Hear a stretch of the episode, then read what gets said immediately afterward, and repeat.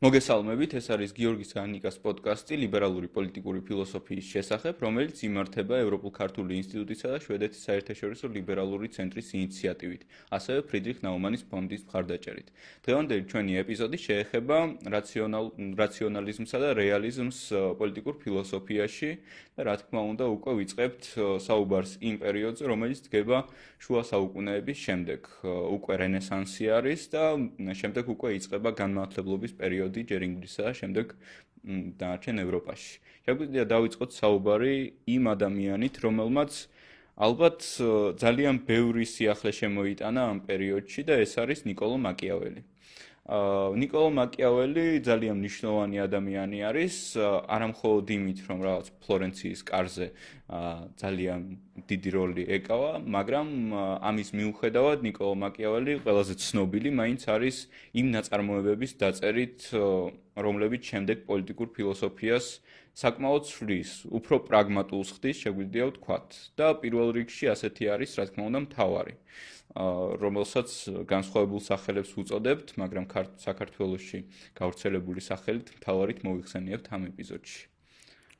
მაკიაველი, ჩემი აზრით, ერთ-ერთი ყველაზე საინტერესო და არაორდინალური ფიგურა არის, და როგორც ახსენე მისი პოლიტიკური მოღვაწეობა, კარიერა, იმის მიხედვით, რომ შთამბეჭდავი იყო, მაინც ვერ წლება იმ მასშტაბებს, რაც შემდგომ მისმა ნაწარმოებებმა შეიძინა და მგონი თვითონაც არის ფიქრებდა რომ ის ნაწარმოებები ამ ხელა გავლენას იქონიებდა და ძალიან კონკრეტული მიზნები წერდა ხოლმე ამ ნაწარმოებებს მათ შორის თავარსაც ვიცით რომ სულიად სხვა დატვირთვა ჰქონდა და არ ფიქრობდა მაკიაველი რა ალბათ აა პენტენციარულ დაწესებულებებში ერთ-ერთი ყველაზე პოპულარული ნაწარმოებების ავტორი გახდებოდა საბოლოო ჯამში. და თუპაკს ძალიან ეყარებოდა. ეს საინტერესო არის ამას შეგვიძლია შენ ორი სიტყვა თქვათ მის გავლენაზე. აა საინტერესო მიმართულებები მიიღო მთავარმა და ცენტრის ხალხში თაგონება გახდა საბოლოო ჯამში. თუმცა აი დასავლური კულტურის განსაკუთრებით, იმიტომ რომ ჩვენ ჩაურმავდეთ შორეულ აღმოსავლურ კულტურას, ნახავთ რომ იქ რაზეც მაკიაველი ლაპარაკობდა, იქ 1000 წლებით ადრეც კი იყო გარკვეულწილად აა დაწერილი დასავლური კულტურისთვის სრულიად ახალი სიტყვა იყო, მათ შორის ასეთი ეთიკური კრიტერიუმებით განხილვა პოლიტიკის, აა და ამავდროულად ძალიან შთამბეჭდავი იყო და ძალიან დიდი ცვლილება იყო ეს გარკვეული დამიწება რომელიც მან მოახდინა, როდესაც იგი მაკიაველი განსხვავებით ანტიკური ფილოსოფოსებისგან, ან უბრალოდ მასზე მასზე შუა საუკუნეების ფილოსოფოსებისგან, ან მასზე ცოტა ადრე ვინც წერდა, იგი ძალიან კონკრეტულად ლაპარაკობს და აი რეალ პოლიტიკის გარკვეულწილად мама არის მაკიაველი, იმიტომ რომ აი იგი არ მიდის ამ რაღაც ჰიპოთეტურ მსჯელობებში, აი პირობთ პლატონივით და არისტოტელესავით აი იდეალური რა უნდა იყოს, ხო? და ის არ ლაპარაკობს რაღაც არარსებულ სახელმწიფოზე და იგი მას როგორ მოაწყობდა, რაღაც სიმს არ თამაშობს, იგი პირდაპირ ან კონკრეტულ кейსებს განიხილავს, იგი განიხილავს ძალიან დიდი არის რომის გავლენა მაკიაველზე, ისე როგორც საბერძნეთის ბერძენი ავტორების. და იგი ძალიან კონკრეტულად ავლებს პარალელებს იმ დროინდელ და რაღაც შუა საუკუნეების იტალიას საფრანგეთს შორის და რომის იმპერიას შორის და კონკრეტულ кейსების მაგალითზე გვაჩვენებს თუ როგორ უნდა მუშაობდეს სახელმწიფო ამა თუ იმ სიტუაციაში. და ამით მან პრაქტიკულადაც ახალი მიმართულ ახალი მიმართულება შექმნა ყოველ შემთხვევაში ასეთი გავლენიანი აქამდე არავინ არ იყო ვინც ასე წერდა. ხო მაკიაველიზე უნდა ითქვას რომ საკუთარი ეს მთავარი ნაწარმოები მთავარი დაწერა ძილითად ზუსტად აი მაგალითების მიხედვით და შეგვიძლია როდესაც ვკითხულობთ ამ ნაწარმოებებს დავინახოთ კიდევაც რომ ის პირდაპირ უთითებს რომ აი ეს მართველი ასე მოიქცა და ამის გამო იყო სწორი. და ამის გამო ძალიან კონკრეტული არის. თან ასევე გასათვალისწინებელია რომ მაგალითად პლატონისგან განსხვავებით პლატონი პირდაპირ სახელმწიფოში წერს რომ ეს არის სისტემა რომლის განხორციელებაც არ არის შესაძლებელი. მაკიაველი ზუსტად საპირისპიროს აკეთებს ის პირიქით ამბობს რომ ეს არის ის ნაბიჯები რაც გაადგმულა და უნდა იყოს გაადგმული. თანაც ისიც უნდა გავითვალისწინოთ რომ მაკიაველის ეგ აქვს მიზნად. მაკიაველი წერს ნაწარმოებს, რომელიც უნდა გამოიყენოს სამეფო კარის მემკვიდრემ. და ამიტომ არის განსაკუთრებით მნიშვნელოვანი ეს. ასევე ისიც უნდა ვახსენოთ აუცილებლად ამ რეალ პოლიტიკის გარდა, რომ მისი მეთოდები რასაც ასე ვთქვათ, ადიდებს და თulis რომ სწორი არის, დღესდღეობით შეიძლება მოგვეჩვენოს, კი არა და აუცილებლად მოგვეჩვენება ძალიან არაადამიანურად და უცნაურად მოგვეჩვენება და ეს მის შესახებ შექმნილი стереოტიპებიც რომ მიზანი ამართლებს საშუალებას, ეს არ უთქვამს მას, მაგრამ ძიცლად იგულისხმება. ახლოს იყო, ხო, ანუ ეს ფრაზა თითქოს გარკვეულწოდ ასახავს მის სოფხედელობას იმის მიუხედავად, რომ ხო მას ეს ნამდვილად არ უთქვამს. ხო. ну აი ყველაზე მკაცრი მაგალითები რაც შეგვიძლია მოვიყვანოთ მთავარიდან არის რომ თქვათ, როდესაც ის განიხილავს პატარა სახელმწიფოების დაპყრობას, რომლებიც იყვნენ დამოუკიდებელნი, ანუ ქალაქ სახელმწიფოებზე არის საუბარი, ის პირდაპირ განიხილავს ვარიანტად, რომ შეიძლება ის ხალხი გაჟლიტო, იმის გამო, რომ დამოუკიდებელ სახელმწიფოში ნამეტანი თავისუფალი ხალხი არის და არავის მართლობას ისინი არ შეეგუებინა. ამიტომ ხო, და აი როგორც ჩვენ იმას ვერ ვიტყვით, რომ საერთოდ არანაირი რაღაც ეთიკური შეხედულებები მაგავის არა, არა ის მათ შორის აა რაღაც ამის პრაგმატულად ცდილობს დაასაბუთოს ყველაფერი. და მათ შორის იგივე აი ხო ეს არის რაღაც ამაში თამბეჭდავი და ესეთი ცოტა ჟრუანტელი გივლის იმისგან რომ როგორ მსჯელობს იგი თუნდაც ამ სიყვარულსა და ძალაუფლებაზე როგორც აი ჩვეულებრივ ინსტრუმენტებზე რომ სიყვარული თუ შიში რომელი ჯობია რომ ხალხი მართოს მიმართ განიცდიდეს თუმცა ეს გარკვეულწილად საბოლოო ჯამში საჭირო ნოტა იყო ალბათ ამ პარადიგმის მსჯელობაში შემოტანა. არ ვამბობ რომ პირდაპირ რას სამბობდა და ზოგადად ჩვენ მაინც გარკვეული მომბიერებით უნდა შევხედოთ, ჩემი აზრით, უბრალოდ გვახცროთ, როდესაც ვკითხავთ ძველ ავტორებს, უნდა გავითვალისწინოთ კონტექსტი, უნდა გავითვალისწინოთ, რომ იმ დროს ისინი ამას იმ დროს ამბობდნენ, როცა ეს სრულად წარმოუდგენელი იყო და არა დღევანდელი პრიზმიდან, ან დღევანდელი ეთიკური, ასე ვთქვათ, საფეხურიდან მათზე მსჯელობა ცოტა არასწორი იქნებოდა, ხო? ამიტომ ეს ამ ხრივ ამაში აბსოლუტურად გეთანხმები და თანაც აღსანიშნავია, რაც შენ უკვე თქვი, რომ მას შემოაქვს განსხვავებული ეთიკა, რაც არის პოლიტიკის წარმოებისას, პოლიტიკის წარმოების ეთიკა შეგვიძლია უწოდოთ. ანუ ის რაღაცებს განსაზღვრავს იმის მიხედვით, რა მიზანი დადგება, ანუ რა შედეგი დადგება და ამიტომ მაქსიმალურად პრაგმატულად აზროვნებს. მისი ეთიკა, ასე ვთქვათ, დაფუძნებული არის მთლიანად იმ შედეგზე, რაც დგება, ამიტომ შეგვიძლია ვთქვათ, რომ კონსეკვენციალისტური ეთიკის რაღაც ფორმა არის, თუმცა არც უნდა აგვერიოს ეთიკის სკოლებში, რადგანაც ეს ეხება ძირითადად პოლიტიკური გააწყვეტილების მიღებას და არა ადამიანის ცხოვრებაში მისაღებ გააწყვეტილებებს. ასევე ძალიან მნიშვნელოვანია ის თუმცა გადადის ხოლმე მომენტებში ინდივიდუალურ მაგალითებს მოაქვს და დედუქცია ინდუქცია აქვს ასე გარკვეულ. ზუსტად ეგრე აკეთებს, აი ამ მართველებს როცა განიხილავს, უყვარს ხოლმე რომ ახსენოს აი ეს ასეთი ადამიანი იყო და ეს ასე იქცეოდა. ხო და ეს მნიშვნელოვანია ასევე კიდე უფრო მნიშვნელოვანი შეიძლება იყოს ეს შიშდა და სიყვარულის მომენტი და როგორი უნდა იყოს მართველი მისი აზრით.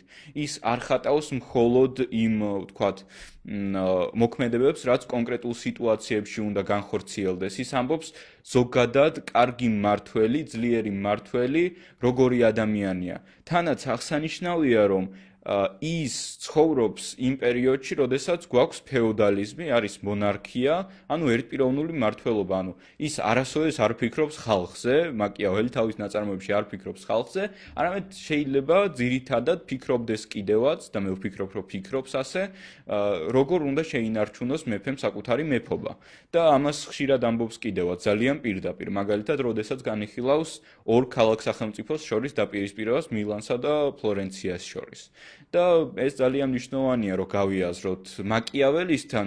კონტექსტი სრულიად განსხვავებულია და მორალისტური თანამედროვე პრიზმიდან ამ ყველაფრის ყურება არასწორი იქნებოდა ხო? ხო თავარი არის ასეთი გაიდლაინი მართლისთვის როგორც გააძლიეროს მის სახელმწიფო განსაკუთრებით სამხედრო თვალსაზრისით როგორც გარკვეულ სიტუაციებში როგორ დაიცვას თავის სხვა სიტუაციაში როგორ უკეთ აითვისოს ახალი ტერიტორიები კი კოლონია დაარსოს თუ გარნიზონი დატოვოს თუ რა უნდა გააკეთოს და აგრეთვე ჩემი აზრით ნიშონ გავლენ რომელიც ქონდა საბოლოო ჯამში პოლიტიკაზე მაკიაველის იყო კონტექსტის მნიშვნელობის ამაღლება. ანუ აი როც მაკიაველი ამ იმით, როცა ის განიხილავს კონკრეტულ кейსებს დამბობს, რომ აი ამ სიტუაციაში, ასე ამ სიტუაციაში კიდე სხვაგვარად უნდა მოვიქცეთ, იგი ხას უსვამს იმას, რომ რაღაც აქსიომები ამ ხრივ არ არსებობს, რომ რაღაც ერთი ფორმულით სხვადასხვა სიტუაციაში ვერ მოიქცევი და ძალიან მნიშვნელოვანი არის კონკრეტულ კონკრეტულ სიტუაციაში რა გარემოებები მოქმედებს. ამის ხაზგასმა მაკიაველის ხრიდან ჩემი აზრით მნიშვნელოვანი იყო და აი მთავარს რაც შეეხება აქ აი ძალიან საინტერესო არის აი თავარს რა კუთხით შევხედავთ მართლა გამომდინარე შევა სრულიად სხვა სხვა შთაბეჭდება შეგვიქმნას. მაგალითად მაკიაველის პირადი ხედვები იმის შესახებ თუ აი იგი რა პირობითად ყალებში იდეოლოგიის წარმოადგენელი იყო და როგორ თვლიდა ოპტიმალურად სახელმწიფოს ფუნქციონირებას მაკიავი მთავარში ეს ხედვები ნაკლებად არის წარმოჩენილი მის სხვა ნაშრომებში უფრო ხვდებით მას მაგალითად მაკიაველი უფრო მას რესპუბლიკანიზმის ბევრი პრინციპი მოსწონდა თუმცა მთავარში ეს ნაკლებად ჩანს მთავარში იგი პირდაპირ საცხად აბსოლუტური მონარქიის ხრივ უყურებს სახელმწიფოს პრიზმას რადგან ამ ეს იყო მთავარის დანიშნულება ხო? ეს იყო მას თავარს ყავდა კონკრეტული ადრესატი ლორენცო მედიჩი და ეს იყო ამ კონკრეტულ ადამიანისთვის გათვლილი წერილი და მე საერთოდ აი საინტერესო არის აი რამდენად გულწრფელი არის მაკიაველი ამ ნაწარმოებში. ჩვენ ეს ამ კითხვი ეს ჩემი აზრით ლეგიტიმური კითხვა არის იმიტომ რომ მათ შორის ის თუ გარკვეულ მომენტებში რამდენად ცინიკური არის ეს მათ შორის შესავალში და შემდგომ ძალიან დიდი კონტრასტი არის ამ ნაწარმოებში ანუ თელი ნაწარმოები დაახლოებით ერთ ტონში არის განსხვავებული არის შესავალი და განსხვავებული არის ბოლოთავი. ბოლოთავი არის სრულად კონტექსტიდან ამოვარდნილი, როდესაც მაკიავი რომელიც იქამდე სრულად ყველანაირი ემოცაკუთარ ემოციური ტონის გარეშე უბრალოდ მსჯელობს იმის შესახებ თუ რაც კონკრეტულ სიტუაციებში ვინ როგორ რაც ლუდოვიკო მე-12 როგორ მოიქცა სადრა შეცდომა დაუშვა და ასე შემდეგ იგი უცებ უცბად გადადის რაც პატრიოტულ ეს ემოციურ ტონზე და იწყებს იტალიის გაერთიანებაზე ლაპარაკს რომ ეს ყველაფერი ეს არის მისი ეს თქო სტელობა მისი წვლილი იმაში რომ მისი ოცნება ახდენს და იტალია სხვა სხვა სხვა ქალაქ სახელმწიფოებისგან გახდეს ერთი გაერთიანებული ძლიერი სახელმწიფო. ეს არის მისი ოცნება თუმცა. რამდენ დაუჯერებთ მას ამაში ეს თქო კითხველის გადასაწყვეტი არის. როგორც ხედავ გარიბალდიმ შემდეგ დაუჯერა მას. ხო და კიდევ არა ხო იმიტომ რომ მნიშვნელოვანია რომ ის იმ მომენტში უმუშევარი იყო სამსახური უნდა და კი ეგ მართალი არის და მაკიაველის შემთხვევაში ეს მართლაც ცulis იმას როგორ წავიკითხავთ ნაწარმოებს უყურებ თუ არა მას როგორ ცინიკურ ავტორს ან ვთქვათ რეალისტურ ავტორს, რომელიც პირდაპირ წერს იმას, რაც ფიქრობს.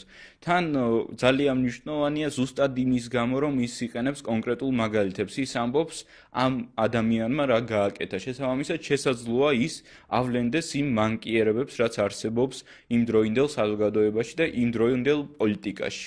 ამის შესახებ, ну, განსხვავებული იდეები არსებობს, რა თქმა უნდა, ორი განსხვავებული ციგნი გამოდის რეალურად, ასე განსხვავებულად თუ შევხედავთ, მაგრამ, ну, რაზეც საუბარი შეგვიძლია შეგვიძლია ეს ძალიან დეტალური გადმოცემა, რაც მას აქვს და ეს ძალიან მნიშვნელოვანი არის, რაც ახსენე კონტექსტი, იმიტომ რომ მაკიაველი გახდა ასევე მსხვერპლი იმისა, რაც თავადვე დაწერა იმ, ანუ თვითონვე დაწერა, რომ ეს ძალიან კონკრეტული მაგალითებია და მათი გამოყენება სულ ასე არ შეიძლება. და ნუ პლატონმაც დაწერა ეს, რომ ჩემი სახელმწიფოს აშენება არ შეიძლება. არა, მაკიაველიზეც გააწყვიტეს, რომ აუცილებლად ეს კონკრეტული მაგალითები თვითონვე უნდა გადაეტანათ თავიანთ კონტექსტში, რომელსაც საერთოდ არ შეესაბამებოდა და როგორც ოქშოტი ამბობს, ეს იყო სრულიად ევროპული პოლიტიკის კრახი ამ პერიოდისთვის, იმიტომ რომ ისინი კითხულობდნენ ამ სახელმძღვანელოს, კითხულობდნენ რა გააკეთა ფლორენციამ და თქვათ როცა კითხულობდა საფრანგეთის მართველი მას სჭირდებოდა სრულიად განსხვავებული კონტექსტი იმიტომ რომ ბევრად უფრო დიდი არის ყველაზე მარტივად რო ვთქვათ განსხვავებული გარემოა განსხვავებული ოპონენტები ყავს. ხო გამოდის რომ მაშინ როცა მაკიავესთან თითქოს აშკარად არის რომ საკვანძო არის თვითონ პრინციპი, მიდგომა და მაგალითები არის იმისთვის, რომ ჩვენ ეს პრინციპი გავიგოთ და შეცდომა ხდება, როდესაც აი ზუსტად ის რისთვისაც მოიყვანა ბევრი მაგალითი, ამას შეცდომა შეყავს კითხველი და ისინი უშუალოდ მაგალითებს უყურებენ და არ და არ არსებობენ იმაზე ფიქრს თუ როგორ მაგალითად რეალურად გვიხატავს იმას თუ როგორ უნდა იქცეოდეს მართველი, როგორი ადამიანი უნდა იყოს ის და ამისთვის შეიძლება მას მაგალითები და არა იმისთვის, რომ რაც ეს იყოს, რაცა кейс თადი რომ აი ამ სიტუაციაში აი რაღაც სიტუაცია შექმნა პოლიტიკური და მოდი ვნახოთ მაკეველი რა სამოდა ამ სიტუაციაში როგორ დამოვიქცეთ იმიტომ რომ ყველა პოლიტიკური სიტუაცია უნიკალური არის იმის მიუხედავად რომ რაღაც გასაგებია რომ ისტორიაში რაღაც დუბლირებები გვხვდება მაგრამ არასწორი არის რომ პირობითად თუნდაც ერთი ალყის შემთხვევაში ზუსტად ისე დაიცვა თავი, როგორც რაცა როგორც რაც რამდენიმე საუკუნის წინ სხვა ალყისაც ხდებოდა, იმიტომ რომ ეს ტექნოლოგიები შეიცვალა, კონტექსტი იცვლება, შეიძლება სხვა ციხესიმაგრეზე არის ხო ლაპარაკი ასე თქო. ბანალურად თქვა. კი ეს ნამდვილად ასე არის და ნუ ოქშოტი ზუსტად საკუთარ ნაწარმოებში რაციონალიზმი პოლიტიკაში აღნიშნავს კიდევაც ამას, რომ ამის გამო ეს ნაწარმოები იქცა ამ რაღაც რაციონალისტურ კოშმარულ მანქანად, რომელიც ყოველი მართველის ხელში რაღაცა ძალიან ცუდის დასაწყისი ხდებოდა. მაგრამ, ნუ, აღსანიშნავია, რომ როგორც არ უნდოდა პლატონს, რომ მისი სახელმწიფო ეცად და მეორე ხალხი ეწამებინათ ამის გამო, ასევე არ უნდოდა მაკიაველის, რომ აი ეს მაგალითები პირდაპირ გადმოეტანათ და ასე, ასე ვთქვათ, გამოეყენებინათ. აღსანიშნავია ასევე კიდევ ერთი ნაწარმოები, რომელიც აქვს დაწერილი მაკიაველის და რომელმაც დიდი გავლენა მოახდინა შემდეგ უკვე რეალ პოლიტიკისა და რაციონალიზმის განვითარებაში და ეს იყო ომის ხელოვნების შესახებ, ომის ხელოვნება. ნუ მსგავსი ნაწარმოები აქვს დაწერილი სუნწილსაც, ჩინელს, მაგრამ იმ ნაწარმოებმაც ძალიან დიდი გავლენა მოახდინა ევროპულ აზროვნებაზე, ოღონდ ეს ხდება უკვე შემდგომში, რა თქმა უნდა, მაკიაველი მას არ იცნობდა. მაკიაველისთან ასევე საკმაოდ რაციონალისტური არის ეს ნაწარმოები და არის გადმოცემული საკმაოდ მნიშვნელოვანი ხედვა ომის შესახებ, რომელიც გარკვეულწილად ხდებოდა კიდევაც მთავარში. რაც ყველაზე დიდი შედეგი გამოიტანა ამ ნაწარმოებმა არის მაინც ის, რომ კლაუზევიცმა შემდეგ უკვე გააწყვიტა დაეწერა საკუთარი ნაწარმოები ომის შესახებ. და აქ უკვე სრულიად განსხვავებული პერსპექტივა გვხვდება. აღსანიშნავია ის, რომ კლაუზევიცის ნაწარმოებები ბევრად უფრო რთულად იკითხება, ვიდრე მაკიაველის, თქვათ, იმის გამო, რომ გერმანული იდეალიზმის ძალიან დიდ გავლენას განიცდის კლაუზევიცი და აღსანიშნავია ის, როგორი მიდგომა აქვს მას ომის მიმართ და ეს მაკიაველის განაჩეგვილია, ავიღოთ. მისი აზრით, ომი ეს უბრალოდ არის პოლიტიკის გაგრძელება, უბრალოდ სხვა საშუალებებით ხდება ეს.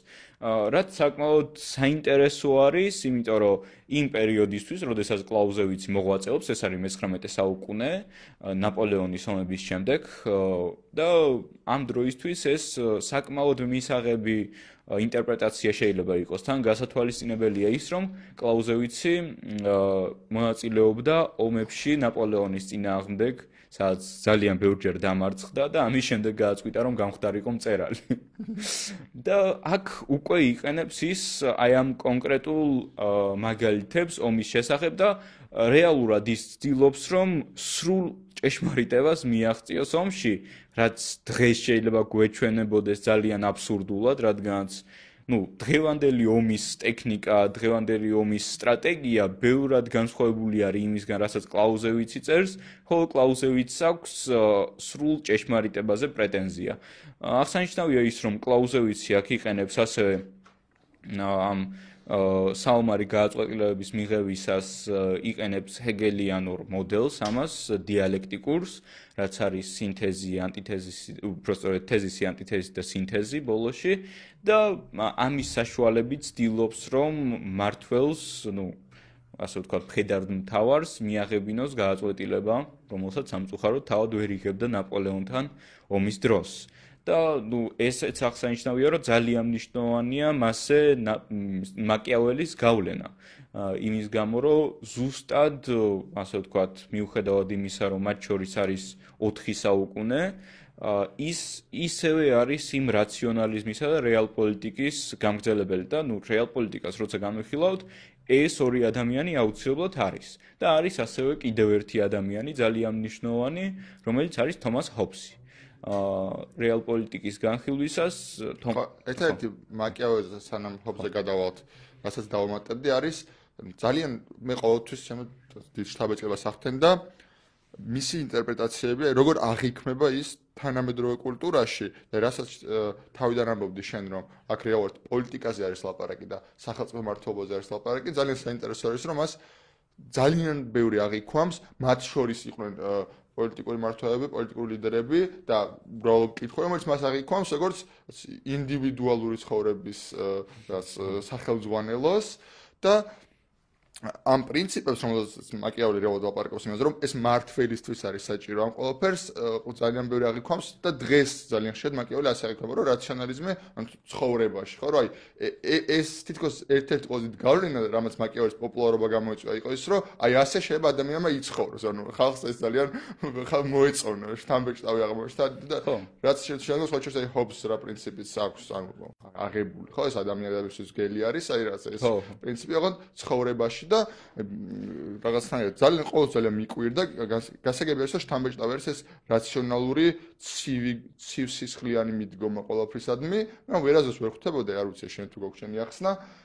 ხელოვნებაში რატო აქვს ამ ხელა რეზონანსი მაკიაველის ან შეიძლება ოდნავ გვერდზე ოდნავ ცდებით თემას მაგრამ აი რატომ იწოს ამ ხელა რეზონანსს და შემოქმედებითი ადამიანებისთვის ტექსტი რომელიც არის მაქსიმალურად პოლიტიკური და მაქსიმალურად აი საინტერესო ალბათ ადამიანებისთვის აინტერესებს პოლიტიკა აინტერესებს თავდაცვა და დღეს აი ვისაც არ აქვს ხოლმე წაკითხული აი რაღაც ისეთი აღქმა აქვს რომ აი რაღაც თამაშჭავის ყანაში მაკიაველის თავარი დაახლოებით ეგეთი სტაბეჭება იქნება თანამედროვე პოპკულტურაში როდესაც მაკიაველის არის ლაპარაკი. ხო მაგაში გეთანხმები ზუსტად რომ ძალიან ბევრი არის ვინც ამას იყენებს. თან აღსანიშნავია ის რომ არამხოლოდ ადამიანის ცხოვრებისთვის არის მაკიაველი დღეს არარელევანტური არამედ დღევანდელი მართლობის ფორმისთვისაც მთლად რელევანტური ვერ იქნება იმიტომ რომ დემოკრატიები გვაქვს და ვავითარებთ ამ დემოკრატიას. მაკეველი მაგრამ ფიქრობდა ხალხი რომ არ აგიჯახეს, იგი არ ფიქრობდა რომ ხალხმა ხმა უნდა მოგცეს. ხო,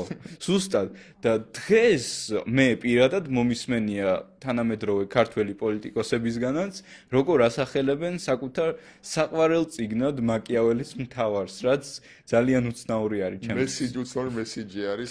ხო, აი, რას ნიშნავს ეს ანუ თუ მთავარს კითხულობ და მთავარის მიხედვით გააწყვეტილებებს იღებ ეს ნიშნავს რომ შენ იღებ მოცემულობად რომ შენ ძალაუფლება გეკუთნის როგორც უნდა მიიღოს მთავარმა მემკვიდრემ მეფისა ხო? და ეს არ შეესაბამება არანაირად დემოკრატიის სივრცეს. ამიტომ ჩემთვის ცოტა უცნაურია და ხელოვნებაში კიდევ უფრო.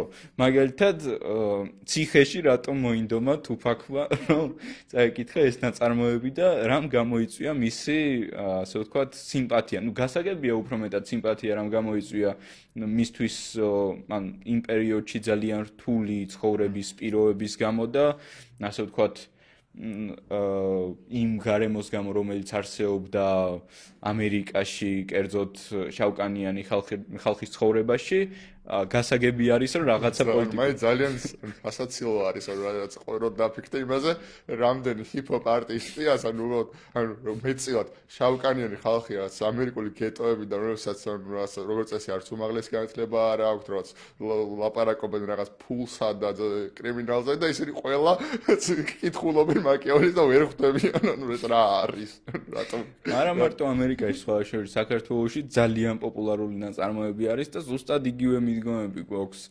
ну აი რაღაცა მე-9 კლასში ადამიანი რო დაინტერესდება როგორ უნდა წაიყვანოს ცხოვრება ან რაღაცა პოლიტიკა დაინტერესებს, პირველივე ნაწარმოები შეიძლება ის აღმოჩნდეს. ამიტომ ხო, ისეთია. აუხსნელი არის. ხო, გადავიდეთ ინგლისში წავიდეთ ახლა. ხო, ახლა შეგვიძლია გადავიდეთ თომას ჰობზე და აა გარდა იმისა, რომ ჩვენ ამით ვაგრძელებთ იმ რეალ პოლიტიკის თემას, თომას ჰობს შემოაქვს ძალიან მნიშვნელოვანი თემა, რომელიც შემდეგ უკვე როგორც მინიმუმ ჩემი დასწრებით სამ ეპიზოდში აუცილებლად უნდა განვიხილოთ და ეს არის სოციალური კონტრაქტი.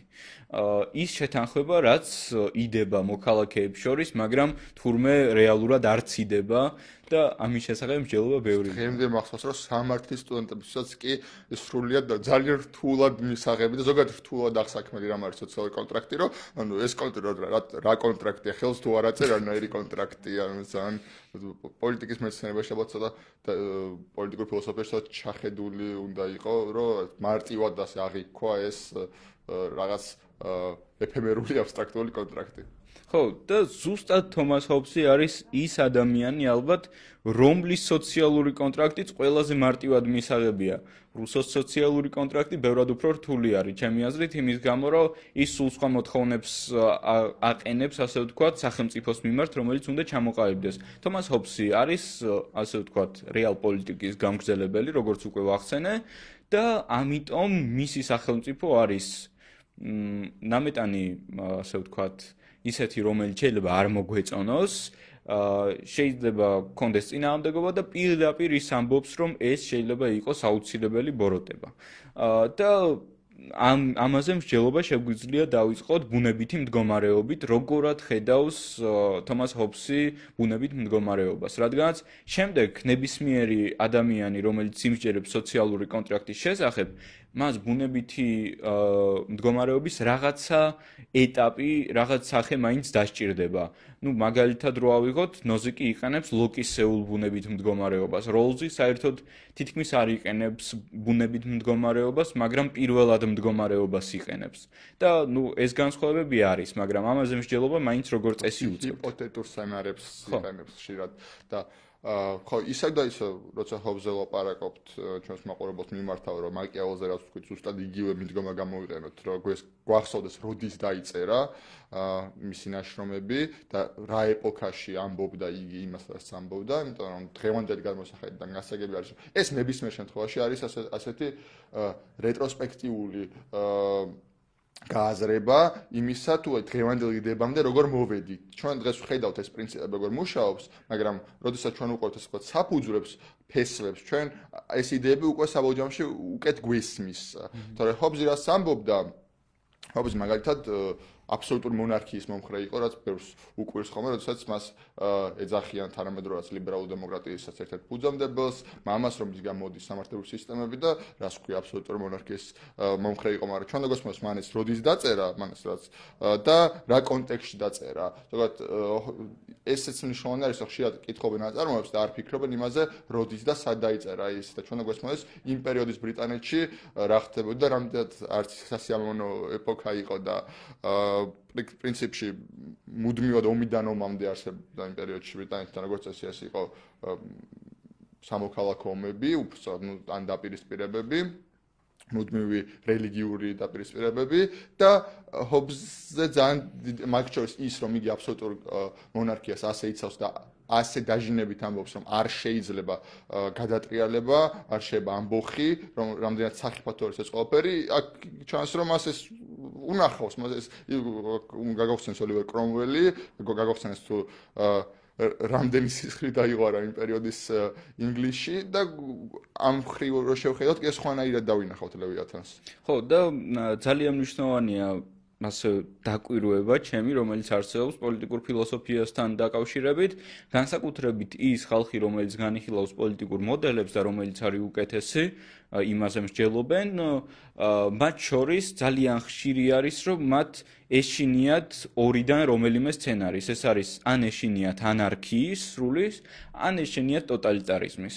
და ეს არის ძალიან მნიშვნელოვანი თანაც იმ გადმოსახედიდან რომ ისინი უყურებდნენ ამას მთელი საკუთარი ცხოვრების განმავლობაში და ეს მათი გამოცდილება ძალიან დიდ გავლენას ახდენდა იმაზე რისი ეშინოდათ მაგალითად ჰანა არენტი ტოტალიტარიზმის ეპოქაში ცხოვრობდა ებრაელი იყო, რომელსაც გერმანიიდან გაქცევა მოუწია, ამიტომ ის ბუნებრივია წერს ნაწარმოებს ტოტალიტარიზმის საფუძვლების შესახებ. ხოლო თომას ჰობზი პირიქით არის ადამიანი, რომელმაც ნახა, რა შეიძლება მოიტანოს ამ არეულობამ და ბრძოლამ აბსოლუტური მონარქიის წინააღმდეგ და ამიტომ არჩევს აბსოლუტურ მონარქიას ამ სიტუაციას. ხო, ჰობზი ეს არის ყველანაირი ვარდისფერი სათვალების გარეშე, ეს არის ასე ვთქვათ, ტკიცე, კაცრი ხისტი სამყაროს პარადიგმა, რომელშიც იგი არსებობს და იგი პირდაპირ ლაპარაკობს იმაზე, რომ აი არსებობს ასეთი კატასტროფა, რომელსაც ქვია ბუნებრივი მდგომარეობა, რაც ყველა ადამიანი არის, ყველა წინააღმდეგ შენ არანაირად არ ხარ დაცულ ნებისმიერმა შეიძლება ზურგში ჩაგარწყას ნებისმიერ მომენტში და წაგართვას შენი ქონება და სიცოცხლე და ამას მას ურჩევნია იგი არ ამბობს რომ მას არ აქვს ასე კარგი ცხოვრება და აა შვიდი. მას აქვს რომ იგი სრულად რაციონალურად და პრაგმატულად მსჯელობს და ამბობს რომ ეს არის სრულად მიუღებელი და ამიტომ აუცილებელი არის აუცილებელი არის წესრიგი, აუცილებელი არის ძლიერი მართველი, ასე ვთქვათ, მტკიცე ხელი და თუმცა იგი მაინც მიუხედავად იმისა, რომ იგი აბსოლუტური მონარქიის მომხრე არის,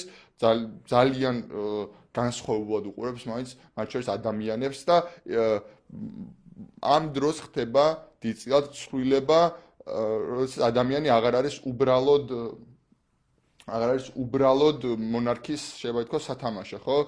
მას ადამიანს რო შეიძლება კონდეს რაღაც თავისუფლება, მას რო შეიძლება კონდეს რაღაც უფლებები, ბუნებითი უფლებები, ეს ძალიან დიწილად შემდგომ ავტორებთან რა კუთხითაც განიხილება, ეს ჰობზიდან მოდის.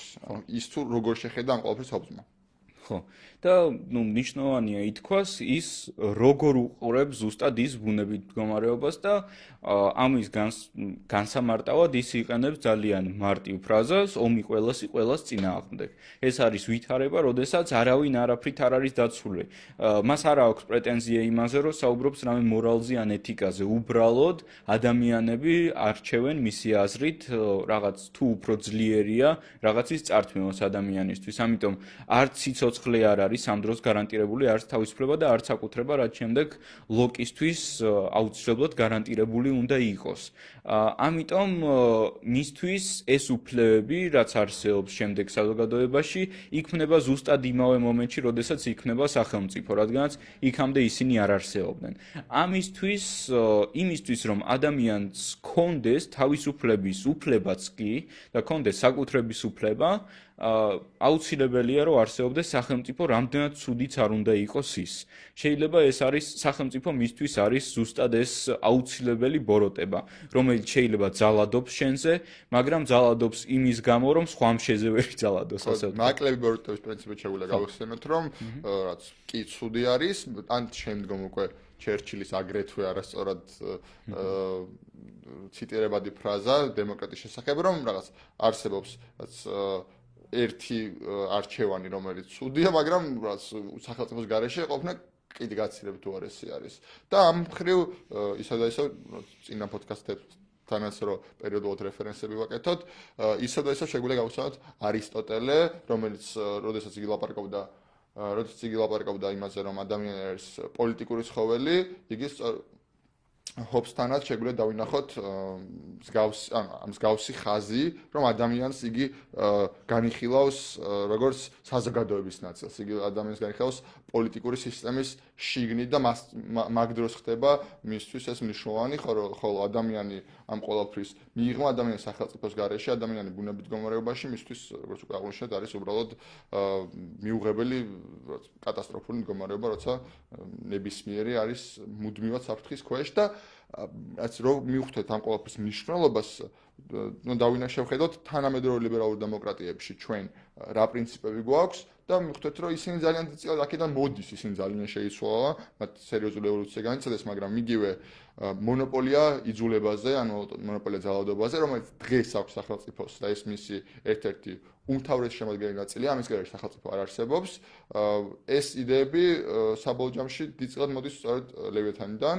შემდგომ მათ შორის ლოკის გავლენაც იყო ძალიან დიდი, თუმცა განსხვავებული ავტორები არიან და ამას დღეს ამაზე კიდევ ვლაპარაკებთ, ხო ეს მონოპოლია იძულებაზე და ეს იდეა რომ ადამიანი თან დღეს დღეს ჩვენ როგორ ცხოვრობთ, ხო, რომ ჩვენ ვაძლევთ სახელმწიფოს ჩვენი თავისუფლების ნაწილს იმისთვის, რომ უფრო მეტი თავისუფლება მივიღოთ, ანუ მეტი რომ ჩვენ ვიყოთ დაცულები, ანუ შენ რას ვერ გიქნება ყველაფერი, ამიტომ შენ რაღაც ნაწილზე ვარს ამბობ იმისთვის, რომ ეს მეორე ნაწილი შეინარჩუნო, ეს ყველაფერი შეგვიძლია ვთქვათ, რომ გარკვეულწოდ აქედან მოდის. ხო, თან აღსანიშნავია ის, რომ სახელმწიფოს ის მთლად ისე არ აღიქვამს, როგორც აღიქმებოდა უნივერსალიზმის პერიოდში, რომ ეს არის მიწა, რომელიც ერთ კაცს ეკუთვნის, იმის გამო, რომ ის მის მამას ეკუთვნოდა და იმის მამას კიდევ უფრო დიდი ხნის წინ.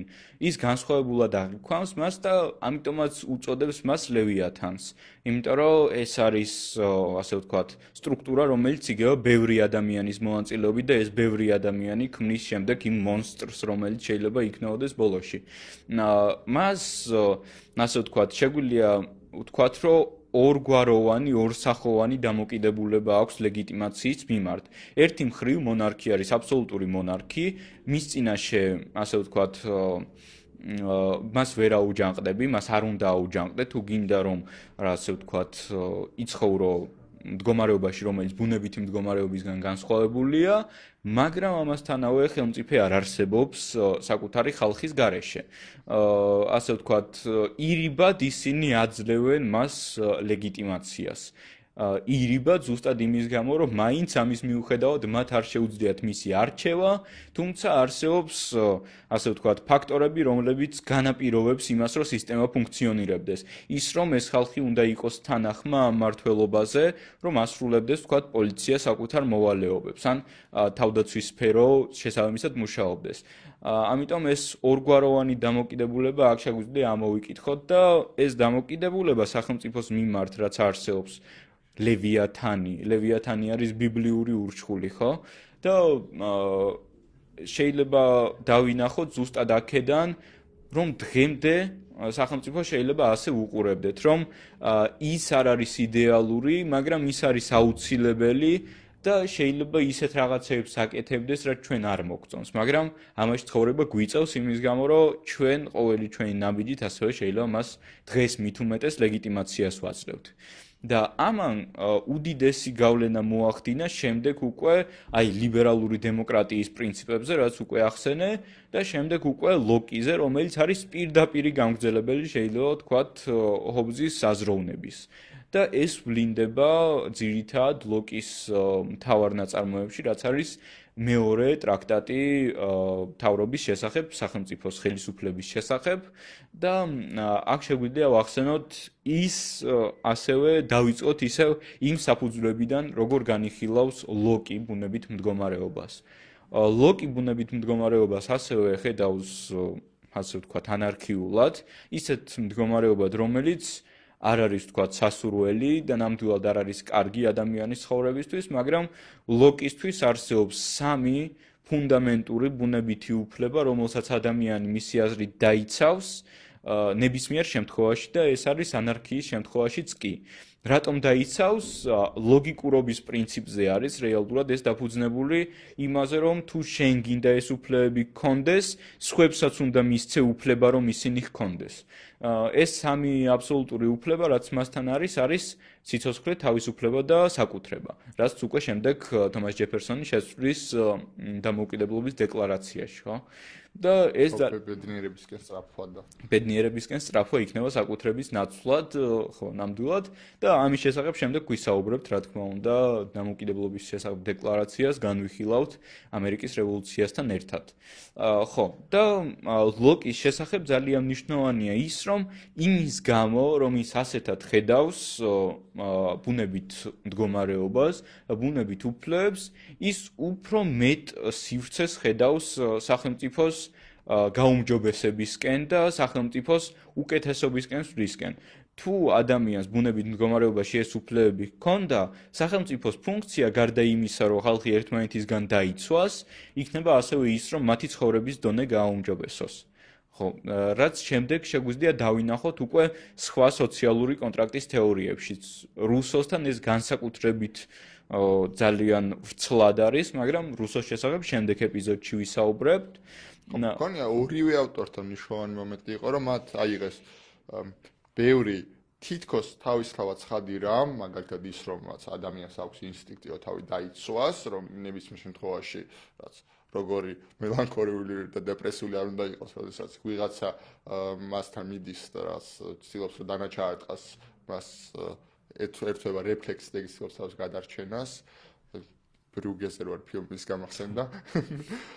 და აა როდესაც მათ ეს თითქოს თავისთავად ხადი რაღაცები გააჟღერეს ფურცელზე გადაიტანეს და გარკვეული ფორმულირება მისცეს მათ მათ მიეც საშუალება რომ გაიგ შემდგ გაიგძელებინათ გზა ხო? იმიტომ რომ თითქოს იქამდე ჩვენ რაღაცები ვიცოდით და ეს იყო და ეს და მათ ეს ამ ამ ამ კონკრეტულ მათ ეს ფურცელზე გადაიტანეს და შემდგომ უკვე ამაზე მსჯელობა დააშენეს და რამაც მიგვიყვანა თითქოს თითქოს მარტივ ერთ შეხედვით დღევანდელი გამოსახედიდან, მაგრამ როდესაც ფიქრობ მათზე იმ პერიოდში, რაც ძალიან გიკვირს როგორ მოახერხეს მათ და ძალიან რთული ამოცანა ჰქონდათ, თუმცა საბოლოო ჯამში ჩემი აზრით, ვისაც არ უნდა გაეკეთებინა ეს ფორმულირებები, ხო, იგივე ან ვინც არ მივიდოდა ასე თქვა ბუნებითი მდგომარეობის ამგვარ გააზრებამდე იგი გარკვეულწილად მაინც ამ მიმართულებით წავიდოდა იმიტომ რომ ისინი რაც ლაპარაკობენ და ის მიზეზი რატომ არის მის ასეთი გავლენები და დღევანდელ სახელმწიფოზე დღევანდელ სამართლებრივ სახელმწიფოზე მათი გავლენა ასეთი რატომ არის და ჩვენ უნდა გვესმოდეს რომ არა მარტო პოლიტიკისთვის არამედ პირველ რიგში სამართლებრივი მოწყობისთვის არიან ეს ავტორები ძალიან მნიშვნელოვანები. ანუ დღევა თანამედროვე სამართალი ძალიან დიდწილად დგას ჰობსსა და ლოკიზე და მათ იდეებზე. ხო. თან აღსანიშნავია ისიც, რომ ლოკის ყველაზე ცნობილი ზედწოდება ეპითეტი, რაც გამოიყენება მასთან მიმართებაში, არის ლიბერალიზმის მამა. და აღსანიშნავია იმის გამო, რომ დღევანდელ ლიბერალიზმში შეიძლება ეს ძალიან ცხადად ვერ ჩანდეს და თანაც აღსანიშნავია იმის გამო, რომ იმის გამო რომელ გოლიათებზე დგას ლოკი და ეს არის რეალ პოლიტიკის мама ასევე თომას ჰობზი და გვესმო თვალსაჩინოებს რო გვესმოდეს ლოკი და ჰობზი ეს არის დაახლოებით ერთი ეპოქა მაგრამ ლოკი არის უფრო გვიანდელი ისინი თუ არ ვწდები არ შეხვედრონ ერთმანეთს მაგრამ ცხოვრობდნენ იყო პერიოდი როდესაც ისინი ორივე ცხოვრობდნენ ერთდროულად ბრიტანეთში, თუმცა ლოკი იყო გაცრებთ უფრო ახალგაზრდა და თუმცა ისიც აღსანიშნავია ის რომ მაინც აი როგესმონდეს პოლიტიკური სიტუაცია იმდენად ბრიტანეთში ძალიან ხშირად იცვლებოდა და ბრიტანეთთან მოერწყობდა ლოკი არის განსხვავებული ბრიტანეთთან მოერწყობდა ჰობზი და ეს განსხვავებების ჩანს ტექსტში მათ შორის მის დამოკიდებულებაში მონარქიისადმი რომ ლოკი უკვე სრულად განსხვავებულად უყურებს ამ ამბავს ჰობსისგან იმიტომ რომ მან კიდევ უფრო კიდევ უფრო მეტი ნახა ვიდრე ჰობზმა მან ნახა თუ როგორ შეიცვალა ყველაფერი იმ რამდენიმე აწლეულში ხო თან ამას რატო აღნიშნავდი რომ ლოკი დგას იმ ადამიანზე რომელიც ბევრი დღევანდელი ლიბერალისტვის შეიძლება მიუღებელი იყოს. აქ ჩემი აზრით კიდევ ერთხელ აღინიშნება კონტექსტის მნიშვნელობა. იმ კონტექსტის რომელშიც ცხოვრობდნენ თქვა თომას ჰობსი და ნიკოლო მაკიაველი. მიუხედავად იმისა რომ დღეს თუ წავიკითხავთ შეიძლება ისინი მოგვეჩვენოს რომ არიან შეურაცმყოფელნი ან რაღაცა ვინმესთვის ოფენსივ არის ამის მიუხედავად უნდა გავიაზროთ რომ ის იდეოლოგია რომ რომელზეც დგახარ შეიძლება აი ამ ხალხზე დგას ზუსტად.